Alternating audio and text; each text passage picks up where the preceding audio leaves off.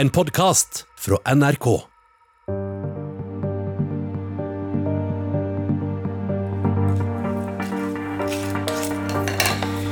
Nå gruer jeg meg.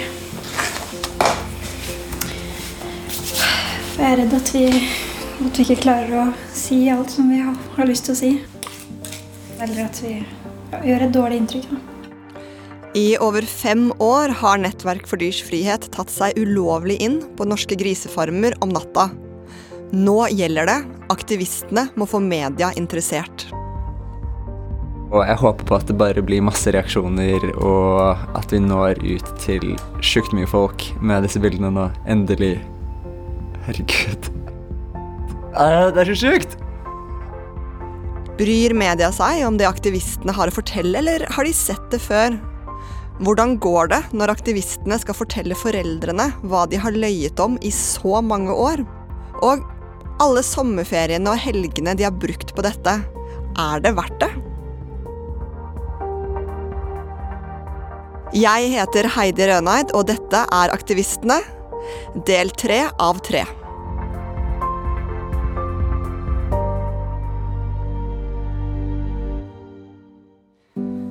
Jeg har selv vært aktiv dyreverner og har venner i miljøet. Men som journalist lager jeg en dokumentar om det å være aktivist. Jeg har fulgt aktivistene i over fem år. Underveis har de måttet legge prosjekter på is flere ganger. Først pga. et annet avslørende prosjekt om grisenæringen. Så kom korona. For å ha ferske bilder fra norske grisefjøs har de valgt å dra ut på nye, ulovlige aksjoner. Utpå senhøsten 2020 er tiden endelig inne til å kontakte media om hva de har funnet.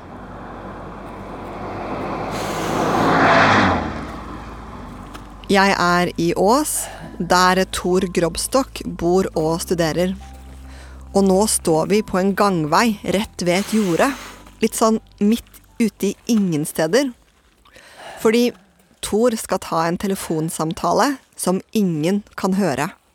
Ikke engang de han bor i studentkollektiv sammen med. Jeg skal bare se på lista over hva jeg burde si. Litt om prosjektet. At det er viktig at hun holder dette hemmelig. Tor skal ringe en NRK-journalist. Hun jobber i Brennpunkt-redaksjonen, som publiserte dokumentaren om griseindustrien.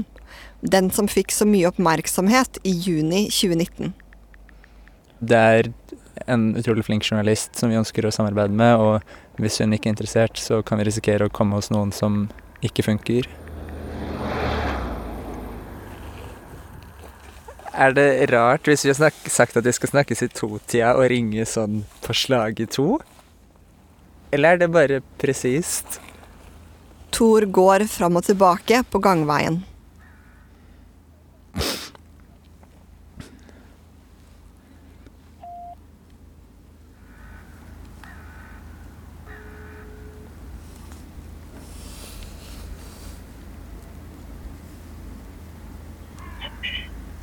Hallo, det er Maria Hakkegård. Ja, hei Maria, det er Tor Grobstøk. Ja, hei, hei. Hei. Eh, Eh, Ja, du hadde litt du ville fortelle meg.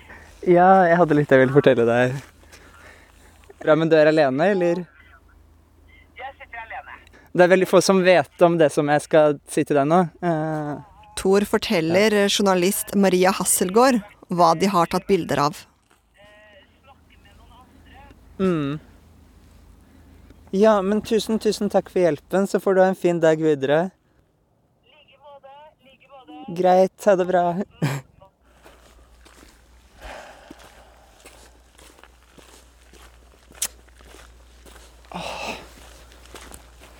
Ikke helt som forventet.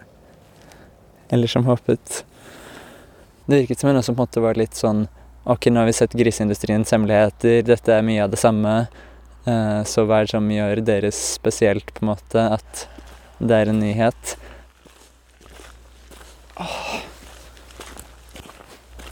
Ja, det er litt frustrerende, helt ærlig. Fordi jeg kunne ønske at vi bare gikk dit, og så sa de 'oi, shit, dette har vi aldri hørt om', og så tar de det imot med åpne armer. Men Men ja, jeg, det er litt frustrerende. Jeg får sånn lyst til å skrike.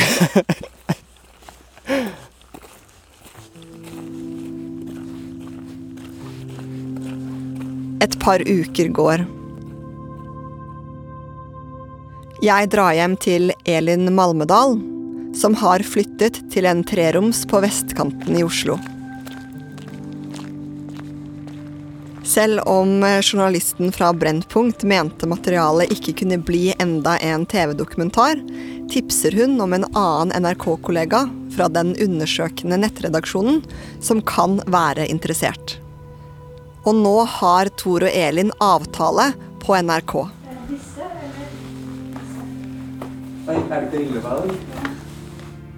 Før møtet prøver Elin ulike briller.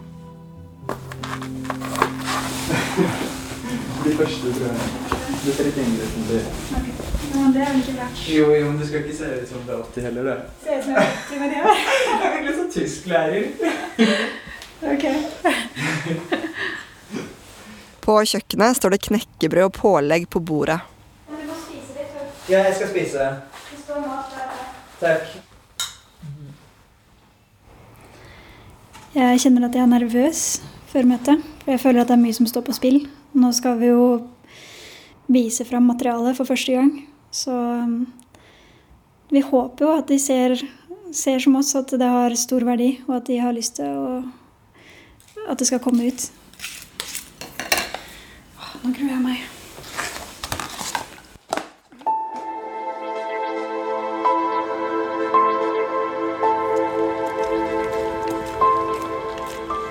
Tor og Elin går over den store parkeringsplassen foran det grå NRK-bygget. Nesten seks år etter at de startet prosjektet. Vi hadde jo trodd at vi skulle gå over plassen her for hva, fire år siden. Litt forsinka.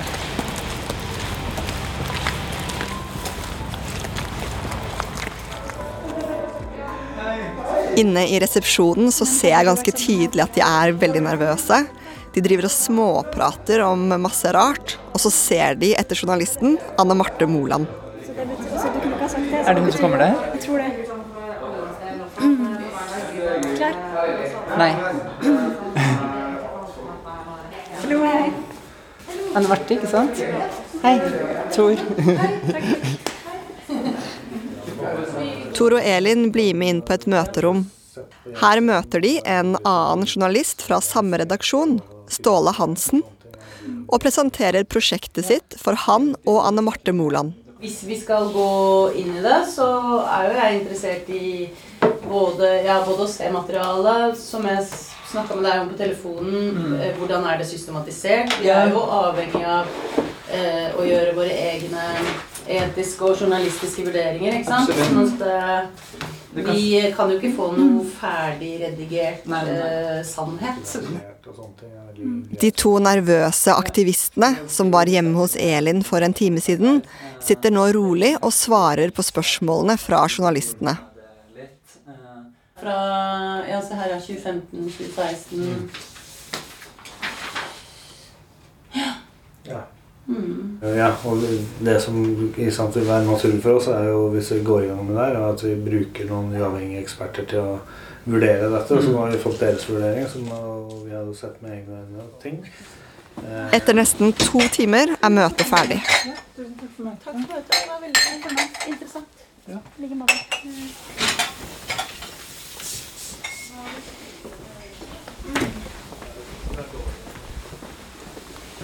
Tor og Elin går bortover gangen, helt stille.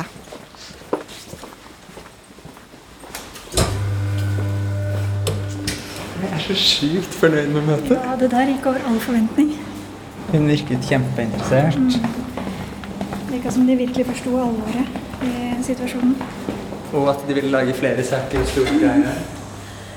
Jeg ble så glad da hun sa at vi lager ikke én ting, vi jobber med serier. Jeg smiler så fra øre til øre nå. Jeg sånn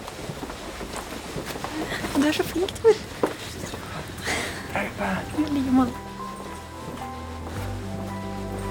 Men det er ennå usikkert om NRK-redaksjonen vil gå videre med materialet. Siden aktivistene har tatt seg ulovlig inn på gårder, er det en del etiske problemstillinger som må vurderes. En utfordring til er hvordan fakta kan sjekkes.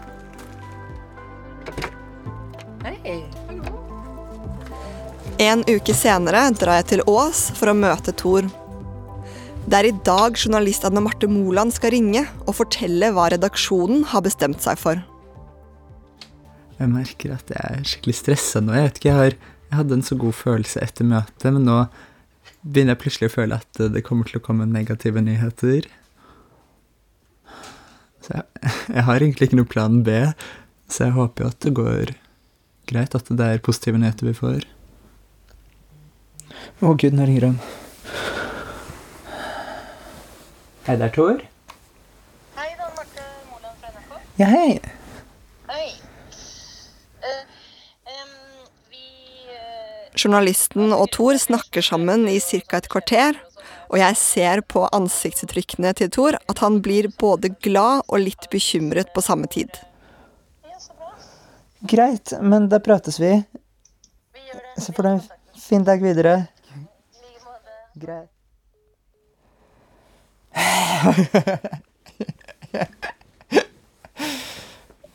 Gode og dårlige nyheter. Uh, gode er at uh, de er interessert i materialet. Uh, men det dårlige er at de bare er interessert i 2019 og 2020. Som vil si at er ca. sånn 20-30% av materialet vårt. Redaksjonen er ikke interessert i noe av materialet fra før Brennpunkt-dokumentaren blir vist. Det vil si alle bildene og videoene fra de mange gårdsbesøkene de fire første årene. Det er dritkjipt at de ikke vil ha tinga fra de første åra, eh, men samtidig så kan jo vi bruke det selv i andre flater og i våre, i våre kanaler. Men Thor er optimistisk når det gjelder interessen for det nyere materialet, som kan vise om næringen har ryddet opp, slik de lovet etter Brennpunkt-dokumentaren. Aktivistene velger å dra ut igjen for å få flere ferske bilder. Nå har jeg egentlig mer motivasjon til å dra ut på turer, men det er jo nye turer og nye timer og enda mer penger. Eh, Det koster jo penger å dra ut på hver tur, så blanda følelser.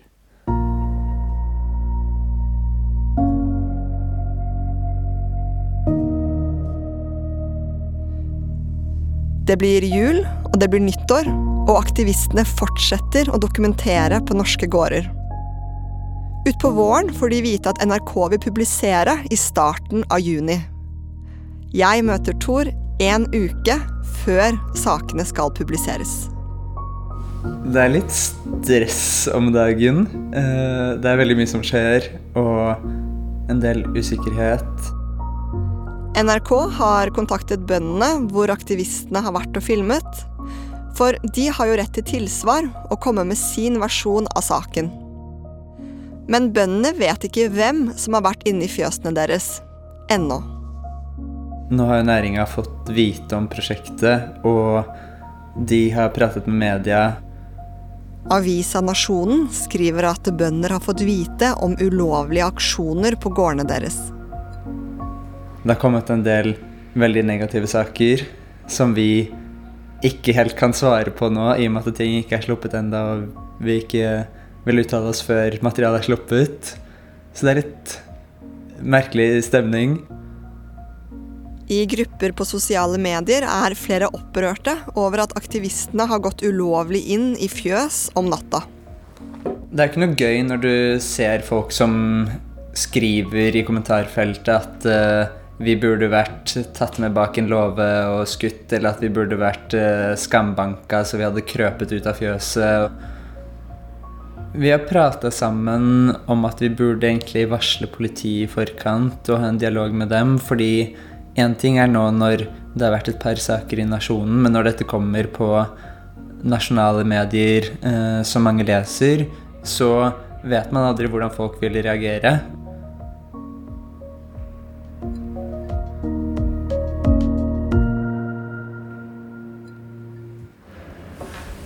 Jeg har forresten fortalt mamma og pappa om eh, inspeksjonene nå. Har du? Vi drev og lagde mat på kjøkkenet, og så så var jeg litt sånn Mamma og pappa, jeg må prate med dere. Det hørtes ut som at jeg skulle komme ut til dem på nytt, eller noe sånt noe. Men eh, så var jeg sånn Ja, jeg var og pratet med en journalist i dag, og det handlet om noen inspeksjoner på noen grisefarmer da, som jeg har vært med på. Foreldrene til Thor har jo ikke visst hva han har holdt på med de siste seks årene. De har trodd at han har vært på hytteturer med venner. Men det han egentlig har gjort, er å ta seg ulovlig inn i norske grisefjøs om natta. Mamma var sånn Tor, da så var det bare litt sånn der Litt trist ansikt. eh, fordi hun støtter det, men alle foreldre vil på en måte passe på barna sine. Vil ikke at det er de som skal stå i skytsen. Uh, pappa var veldig Han er jo glad i kjøtt.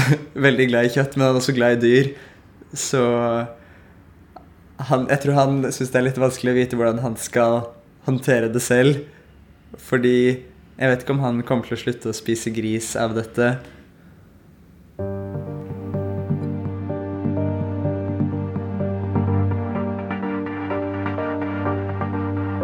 Dagen har kommet. 5. juni 2021. Seks år etter at prosjektet startet. I dag skal det bli offentlig. Shit, ass. Nå er det stressende og veldig spennende. Nå er det bare få timer til det smeller. Eh, Jeg bare kjenner hele kroppen er litt sånn ekstatisk.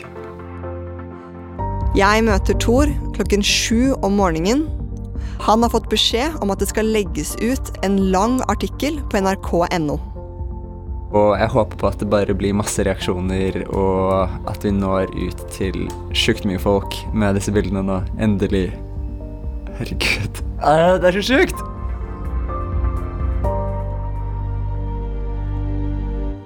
Ok, jeg refresher. Det, det er sikkert ikke kommet noe, men Ok, den har ikke kommet. Thor og de andre aktivistene venter på at artikkelen skal komme. Thor oppdaterer nettsiden til NRK igjen og igjen og igjen for å se om artikkelen er publisert. Jeg kommer til å sitte sånn hvert femte minutt nå og bare Hæ, er det kommet noe nå? Vet du når, når den skal komme? Den skal komme Nei! Ah!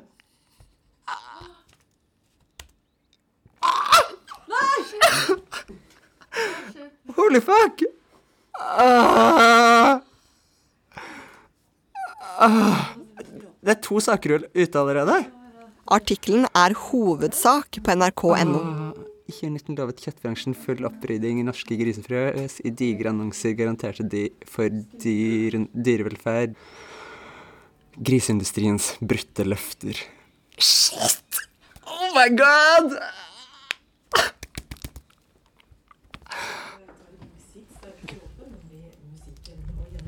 Den lille gruppen som har jobbet alene i så mange år, har invitert venner og andre aktivister. Når klokken nærmer seg 19, sitter rundt 20 personer foran en stor prosjektor og venter på Dagsrevyen. Tor og Elin håper at prosjektet deres er hovedsaken. Det er ikke så rart at man er gira når man har jobbet Seks år, eller noe sånt noe?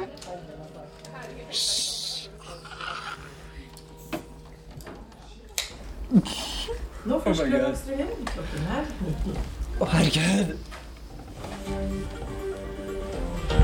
Si at det blir hovedsak.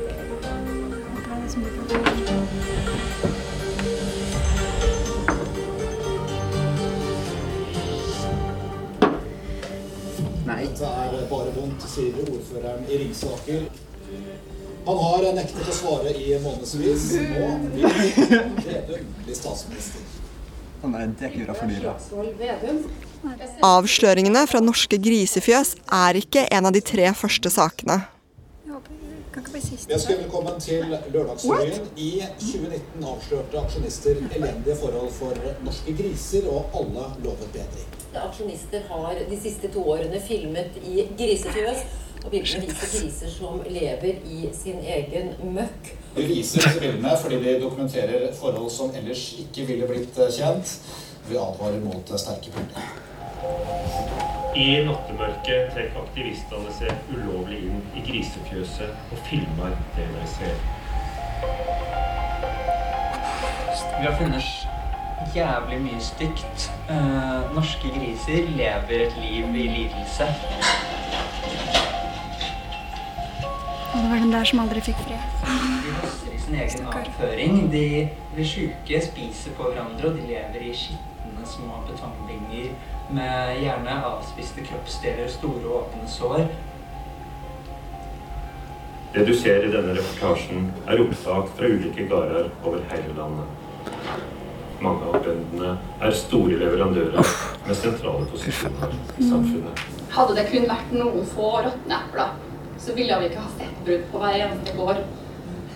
Også svinenæringen, representert av Lars Petter Bartnes i Norges Bondelag, blir intervjuet på Dagsrevyen. Det bilder som eh, gjør inntrykk på meg, eh, det er bilder av dyr som ikke har fått eh, nok stell. Jeg skulle jo selvfølgelig ønske at vi slapp å gjøre det her, men vi har også en plikt i å hindre at dyr har vondt. Vi har plikt til å hjelpe dyr i nød.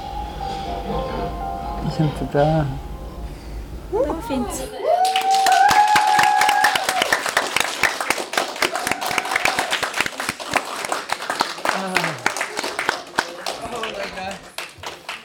Endelig. Marte, du var kjempeflink. Hei. Alt var bra. Det var um, både vanvittig å se det på TV og vite at så mange ser det. Og ja, litt rørt. Mm.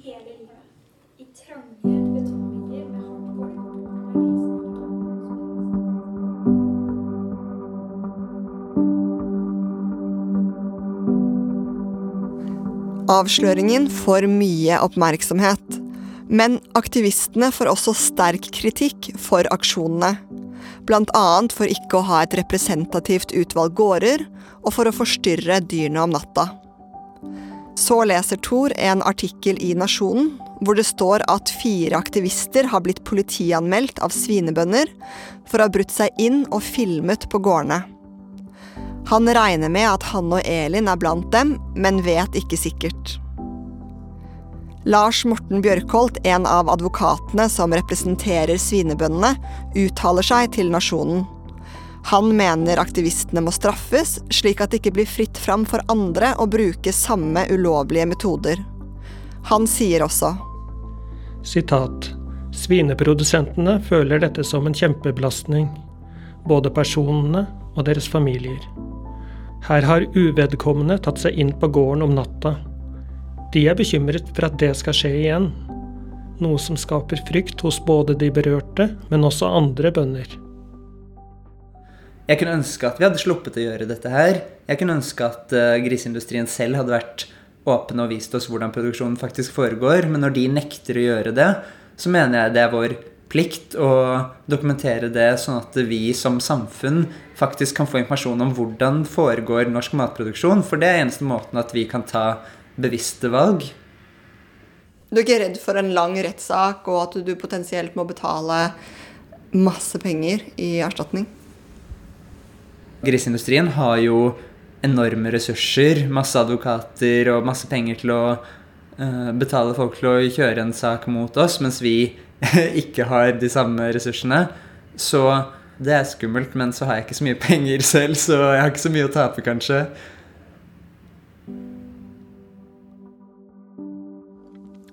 De to neste ukene deltar Thor i Dagsnytt 18. Han blir intervjuet i mange ulike medier. Og Nettverk for dyrs frihet deler bilder og videoer på sosiale medier. Etter hvert dabber interessen av. Sommerferien kommer, og jeg hører ikke noe fra Thor og Elin på noen uker.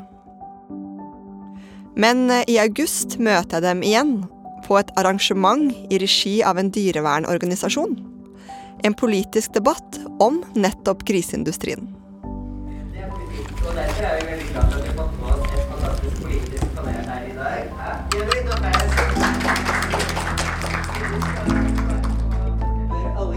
mennesker få mulighet til å komme ut. Alice Aarebrot fra Høyre er en av politikerne i panelet. Ja, så langt det lar seg gjøre, så ønsker vi at eh, griser skal få mulighet til å gå over verden. Tusen takk til Tor fra nettopp for frihet.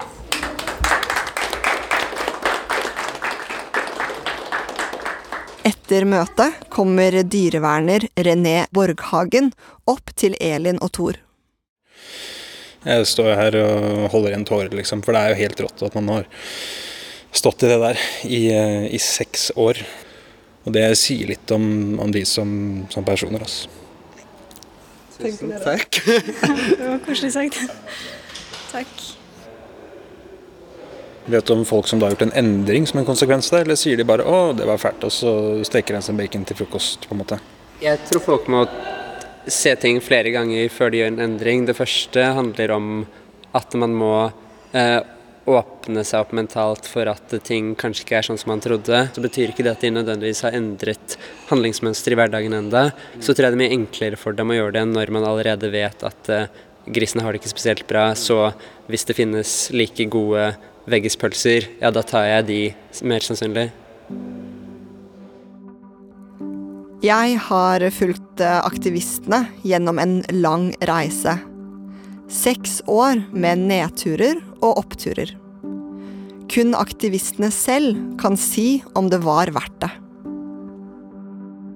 Det er en veldig deilig følelse sånn at det endte i noe stort. At det ikke endte i en Facebook-post på vår egen Facebook, men at det ble fire-fem dager på Dagsrevyen. At det ble liksom nettsaker med mange, mange hundre tusen lesere. At det nådde så sjukt bredt ut. Kommer du til å dra på flere inspeksjoner? Jeg for min del har planer om å fokusere på jobb en stund nå.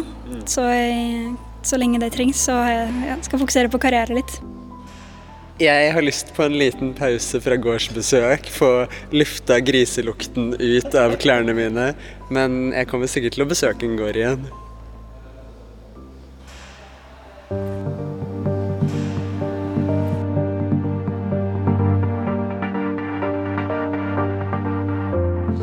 Du har nå hørt tredje og siste episode av Aktivistene, laget av meg, Heidi Røneid. Lyddesign er ved Kjetil Hansen. Produsent er Kjetil Saugestad. Redaksjonssjef er Hege Haug Omre. Og redaktør er Siril Heierdal. Du har hørt en podkast fra NRK. De nyeste episodene hører du først i appen NRK Radio.